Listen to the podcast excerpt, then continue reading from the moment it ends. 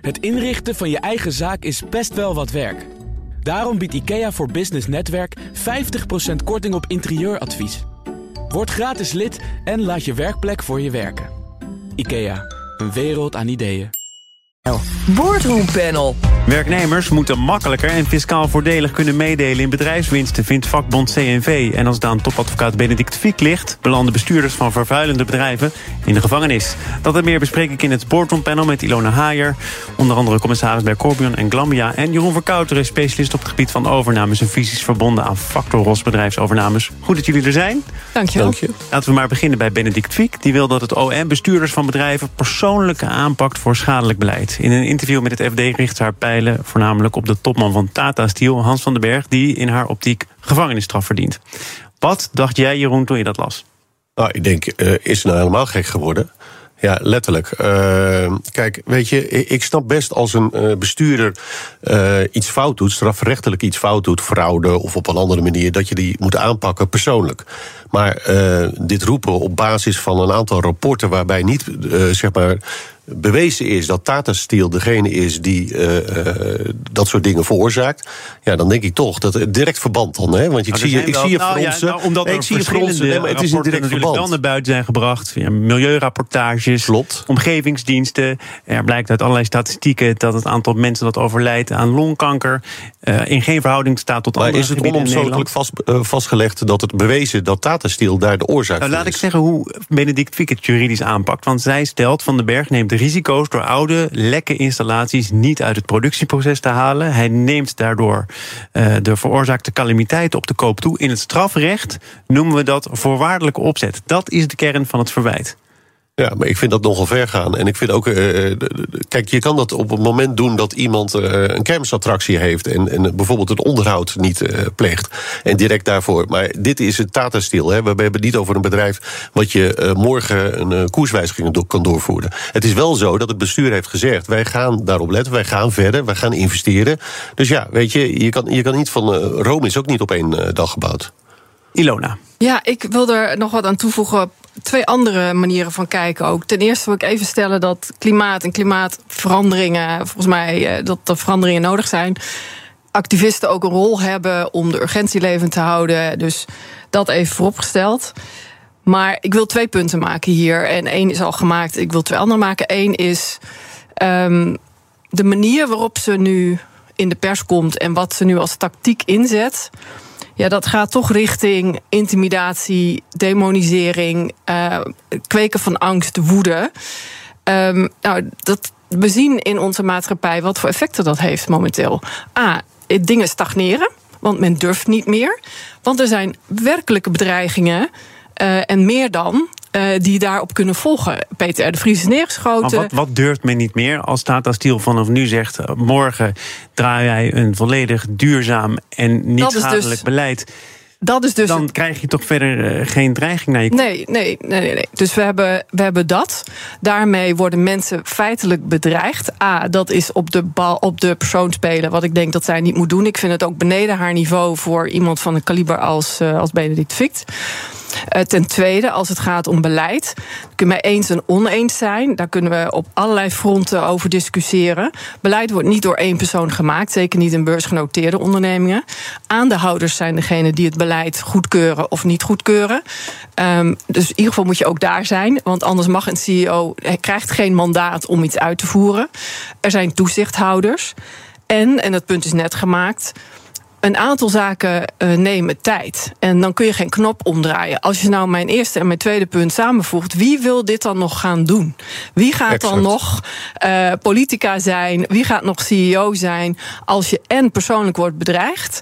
En je geen tijd meer mag nemen om dingen te doen. Daarmee zeg ik niet dat alles perfect gaat. Ja, maar, de, maar kijk, Thijssen, Ingrid Thijssen van VNO-NCW is in het verweer ja. gekomen. Heeft ook gezegd uh, dat zij dit geen manier van doen vindt. Maar ze schrijft, geparafraseerd zeg ik erbij. Ja, klimaat is belangrijk. Dat vinden ook leiders van grote en kleine bedrijven. Maar ja, we zullen ook moeten eten. De wereld moet blijven draaien. Er moeten dingen worden gemaakt. Ja, zijn we dat punt niet ook een beetje voorbij? Dat je zegt, ja, het is nou eenmaal zoals het is. Nou, kijk, je kunt inderdaad twisten, vind ik. En dat gebeurt ook. over uh, welke spullen we nodig hebben en welke spullen we niet nodig hebben. Dus nogmaals, over nodig hebben, over beleid valt te twisten. Koop aandelen, koop geen aandelen, koop de producten van een bedrijf, koop ze niet. Wij kunnen allemaal met onze portemonnee stemmen. Maar dat is niet een excuus om persoonlijke aanvallen te maken in een maatschappij waarin we zien dat dat werkelijk leidt tot bedreiging, intimidatie of meer. Dan dan gaan we stagneren. Ik geloof niet dat dat een constructieve manier vooruit is. Good Pieter Lakenman kwam ook voorbij in het interview met Benedict Fiek. En hij zei: de rechtspersoon voert geen beleid. Dat doet de bestuurder. Die moet zich verantwoorden. Zit er toch ook een kern van waarheid in? Het bestuur is degene die uh, zeg maar op de toko past, om het maar zo te zeggen. De rechtsvernootschap heeft aandeelhouders. Nou, je moet de belangen dienen van verschillende partijen. Van werknemers, aandeelhouders, uh, van het bedrijf zelf. Kijk, uh, een ander goed punt is inderdaad van ja, op deze manier zorg je ervoor dat het bestuur heel erg behoudend wordt. Geen ontwikkelingen wil doormaken. Innovatie komt misschien stil te staan. Ja, dat, ja, dat, snap ik toch niet helemaal. Waarom zou je, als er maatschappelijke druk ontstaat en misschien zelfs wel juridische druk ontstaat, Omdat je bang niet meer innoveren. Om, nee, om dit, in dit geval ben je echt bang voor je eigen leven, bij wijze van spreken. Je wordt persoonlijk aangevallen. En dan kan je dus ook zeggen, nou, laten we dan maar geen gekke dingen doen die de stakeholders of de maatschappij vervelend vinden. En dan gaan we inderdaad stoppen met investeren in bepaalde richtingen. die wellicht. Uh, ja, in bepaalde richtingen waarvan ja, maar, Benedict Fiek zegt. dat gaat het milieu, dat gaat de gezondheid. die kant moeten we überhaupt niet meer op. Ja, maar kijk, dat is de vraag. Kijk, innoveren kan je op verschillende manieren. En het is niet gezegd dat, het, dat zij een bepaalde kant. Kijk, als je de status quo behoudt en zegt van oké, ik sluit alles wat uh, fossiele brandstoffen. We komen straks op Shell terug, dus dat is ook een heel uh, mooi bruggetje. Maar uh, als je alles daarop sluit, dat betekent dus dat je inderdaad zorgt dat de werkgelegenheid omlaag gaat. Want ja, je moet dingen afsluiten. je stopt met investeren in bepaalde richtingen. Dat betekent ook dat je misschien een afvalberg overhoudt. Waar ga je, wat maar ga je daarmee doen? het een beetje als, laten we houden wat we hebben. Nee, maar, maar dat bedoel ik. Nee, maar, maar dat moet je dus niet doen. Dat is dus exact wat ik zeg. Dat moet je dus niet doen. Je moet dus vooruit gaan. En vooruit gaan richting duurzaamheid. Ik bedoel, uh, maar we praten hier niet over een, een, paradijsvogel die uitsterft. We hebben het hier over een, een, een, ecosysteem, ook economisch gezien. Dus je kan niet zomaar zeggen van we stoppen ermee. Lona. Ja, uh, investeren haak ik even op in. Ja. Want um, het is een beursgenoteerde onderneming. Hier komt mijn stokpaardje Thomas. ik ben gewaarschuwd. Ja, als je uh, terecht hè, gaat investeren in duurzaamheid. Je weet, ik kom van DSM. Dat hebben we al heel lang daar ook gedaan. Ik doe dat nu ook bij twee beursgenoteerde ondernemingen als commissaris. Als je gaat investeren in duurzaamheid, bijvoorbeeld nieuwe fabrieken, wat hier aan de orde is, nieuwe processen. Uh, uh, dat kost allemaal geld. Als jij in een markt um, speelt waarin je niet zomaar jouw investering kunt doorvoeren in verhoogde prijzen, wat vaak zo is bij staal, redelijke commodity dan gaat je marge omlaag, dan gaat je beurskoers omlaag en dan word je voer voor overname. Zie Unilever in 2017, de grootste NGO ter wereld, claimde Paul Polman. Um, of en heel mooi, vind ik. Maar goed, dan gaat je marge omlaag, dan gaat je beurskoers omlaag, dan word je voer voor overname. Geld stroomt wereldwijd. Wij kunnen geen hekje zetten om Nederland, nog om Europa. En dan komen uh, private equity, venture capital, groot geld, neemt het bedrijf over. We komen straks op Shell. Je komt in een Anglo-Saxisch model terecht, bijvoorbeeld, waar het om shareholder value gaat. Bij ons gaat het officieel ook om stakeholder value. Dus wij nemen milieu, werknemers en alles mee. Exact. Hartstikke goed model. Nou, hoe komt het dan dat maar het toch bij voortduring blijkt dat Tata ook bepaalde uh, milieuwetgeving overtreedt, dat er dwangsommen worden opgelegd? Dan kun je wel zeggen, we nemen de maatschappij mee. Nee, maar, maar nu gaan we naar blijkt. iets anders. Dus A, vinden we of demoniseren en persoonlijke aanvallen een manier zijn om de boel in de goede richting te bewegen? Ik denk van niet. B. Zitten beursgenoteerde ondernemingen in een knel en in een, in een spagaat? Ja, dat komt door het systeem. Er zijn geen accountingregels, er is geen level playing field tussen Europa, daar is het woord, en Amerika. Dat geld stroomt wereldwijd. Dus C. Is het moeilijk voor, voor bestuur? Ja, dat is moeilijk moeten we met elkaar vooruit? Moet data veranderen? Moeten ze dat zo snel mogelijk doen? Wat mij persoonlijk betreft, ja. Maar is dit de manier om dat te doen? Ik denk van niet. We gaan naar, het is al een paar keer gezegd, Shell. BNR Nieuwsradio. Zaken doen. Thomas van Zeil. Ilona Haier en Jeroen Verkouteren zijn de leden van het Boardroom Panel. Shell wil beleggers ervan overtuigen dat het bedrijf een minstens net zo aantrekkelijke belegging is als Amerikaanse olie-multinationals. Op een beleggersdag in New York kondigde Shell daartoe gisteren een aantal strategiewijzigingen aan. Nu wordt Shell op de beurs tot wel 70% minder gewaardeerd dan Amerikaanse olieconcerns. En Jeroen, die belangrijkste strategiewijzigingen zijn: wij nemen voorlopig bepaald geen afscheid van waar het geld mee wordt verdiend, olie en gas. En wij zullen dat ook eh, de aandeelhouder laten merken in de vorm van eigen aandeleninkoop en dividenden. Ja. Uh, blijft er bij Shell wel heel veel zoals het was? Nou ja. ja, als je tien jaar geleden Shell bekijkt, wel inderdaad. Ja.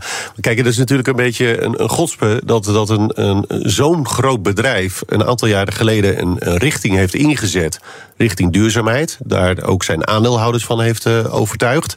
En uh, een aantal aandeelhouders die zijn daarom ook in Shell gestapt. Omdat ze zeggen van ja, die gaat uh, op de lange termijn uh, een groene, duurzame energie opleveren.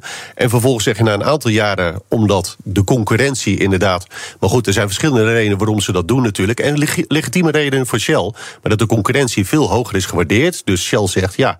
Wij zijn uh, toch een beetje uh, uh, het, het stomste jongetje uit de klas. Wij zijn een overnameprooi. We, zijn, we moeten oppassen waar we, waar we naartoe gaan. Dus we gaan onze strategie 180 graden maar draaien. we wel wezen, het dividend is voor heel veel aandeelhouders van Shell altijd al heel belangrijk geweest. Hè? Ja, Toen ze Shell tijdens is de coronacrisis definitie- dat een keertje moesten halveren. Klopt. Toen maar was Leiden in last. Ja, maar Shell is, is al 40, 50, uh, al heel lang een dividendrendement aandeel. Zij hebben altijd, iedereen had Shell in, in zijn portefeuille, omdat daar een bepaald dividend Boeksteen van de portefeuille, jawel. Ja, nee, daarom. Dus, uh, en dat is het altijd zo geweest. nou, met corona is het inderdaad uh, achteruit gegaan. Uh, ook door de investeringen die zij natuurlijk in duurzaamheid hebben gedaan. Kijk, het kost gewoon tijd om die investeringen terug te verdienen. Nou, dat het weten we leidt tot allemaal. verlies. En op het moment blijkbaar zegt de nieuwe topman van Shell dat het niks oplevert. Sterker nog, dat het ons iets kost. Dan moeten we dat heroverwegen en dan moeten we misschien al wel uitstappen. Bedrijfsmatig is daar wellicht iets voor te zeggen. Ja, eh, wat mij betreft, ik vind het teleurstellend dat Shell dit doet. Uh, dat is een persoonlijke mening. Ik vind dat zij uh, goed bezig waren. Uh, dat zij ook die spagaat voelen waar ik het net over had. En wellicht wel meer, sinds ze niet meer uh, ook een beursnotering hebben in het Rijnlandse model. Zou dat echt wel uitmaken? Nou ja, ik, de, in het Rijnlandse model heb je een verplichting om voor stakeholders op te komen. Er zijn natuurlijk Nederlandse en andere pensioenfondsen uitgestapt die wellicht onder dat model nog ja. druk hadden uitgevoerd als aandeelhouder om te zeggen: ja, jongens, uh, doorgaan. Die zijn eruit gestapt omdat ja. er zo weinig tot stand gebracht werd. Die zijn, maar we kunnen zij wel zijn wel partijen die niet. druk kunnen uitoefenen. Ik denk ook dat ze dat moeten blijven doen. In plaats van zeggen: jongens, uh, wij stappen eruit, want jullie zijn niet groen. Blijf erbij en maak ze groen. En ga die druk blijven uitoefenen als aandeelhouder, want dan bepaal je mede dat beleid waar we het net over hadden. En Shell zit in die spagaat. Maar vind ik het teleurstellend? Absoluut. Um, zij zijn bij uitstek technisch en, en op allerlei fronten een, een partij die die energietransitie vorm kan geven. En uh, ik zou graag zien dat hier weer verandering in komt. Maar ze, ze hebben last die- van, van die spagaat. Ja, kunnen ze met deze wijziging wel vasthouden aan wat de rechter eh, Shell heeft Ja, opgelegd precies. in die milieudefensie-uitspraak? Aan hun eigen doelstellingen om zelf in ieder geval op eh, relatief korte termijn geen CO2 meer uit te stoten? Nou, het wordt, het, wo- het wordt spannend. Ik denk dat we hier er vast nog wel een keer weer over gaan praten. Want 15% van hun aandeelhouders is ingestapt op hun klimaatdoelstellingen. Nou, Exact, dat is 15%. Hè? Eh, wie weet wordt het meer. Ik kan me voorstellen dat dat gaat gebeuren. Juist om die druk te verhogen. Milieudefensie zal er vast een punt van maken.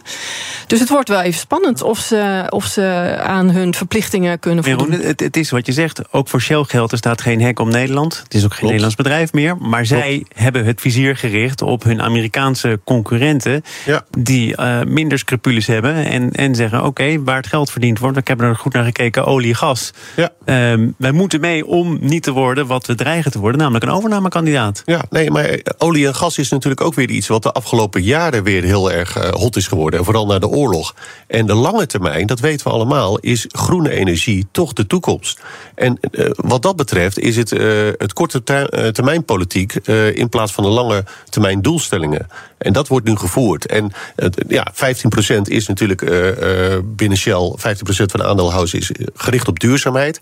Straks gaan die 15% zeggen: ja, Shell, je doet, voldoet niet meer aan onze Ik sla doelstellingen. nog even het bruggetje terug naar het Oké. vorige onderwerp. Want Ja. eh, in, in Groot-Brittannië is via Client Earth Shell persoonlijk, de bestuurders van Shell, aangeklaagd. Niet vanwege klimaatverandering. Nee, wat zeiden ze daar? Tamelijk slim.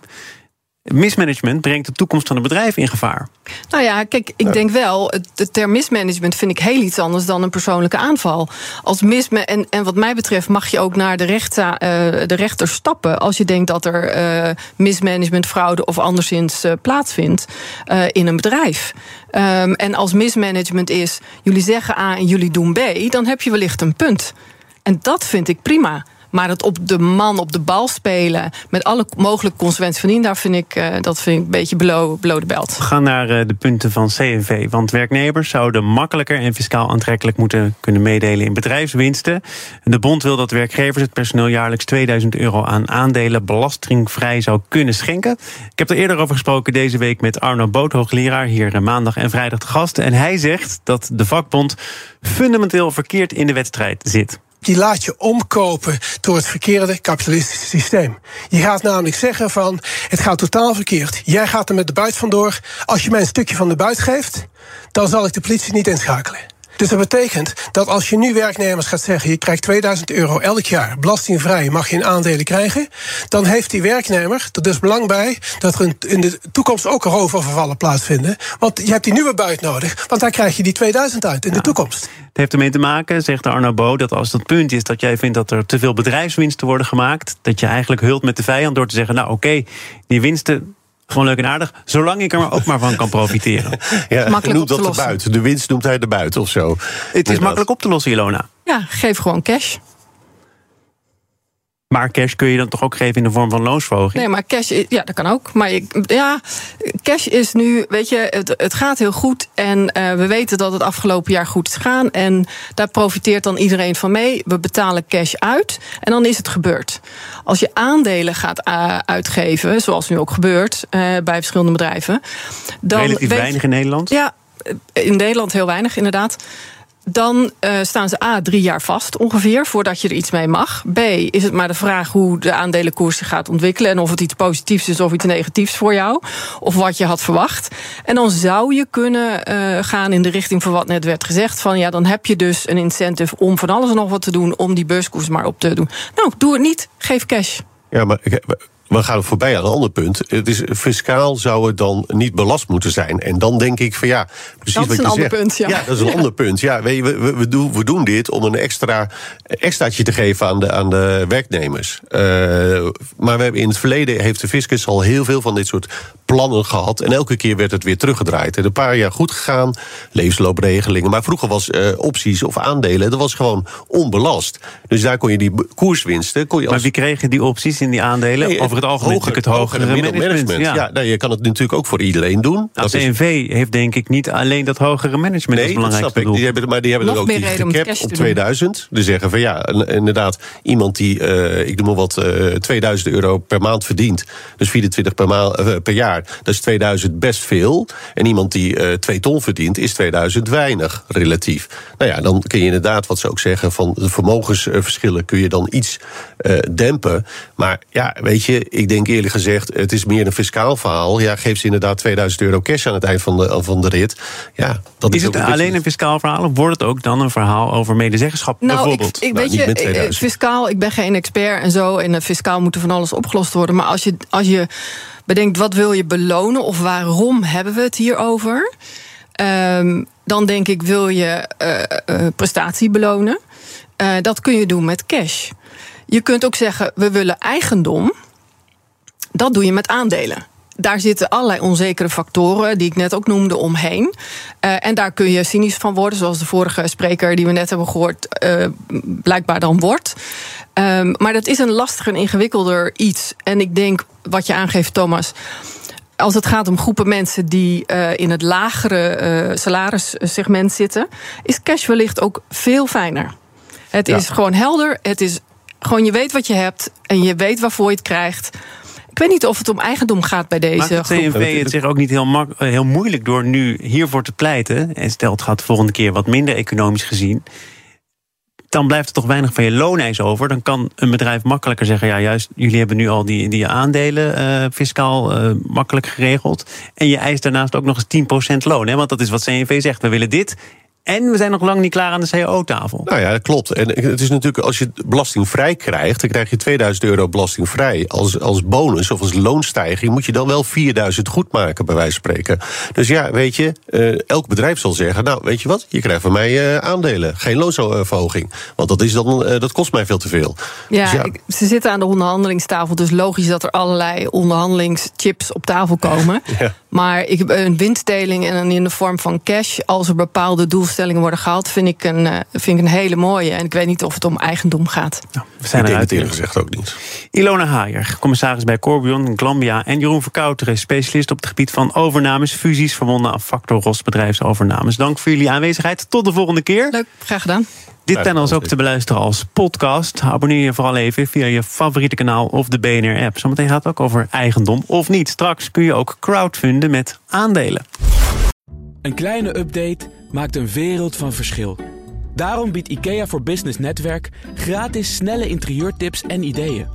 Word gratis lid en laat je werkplek voor je werken. IKEA, een wereld aan ideeën.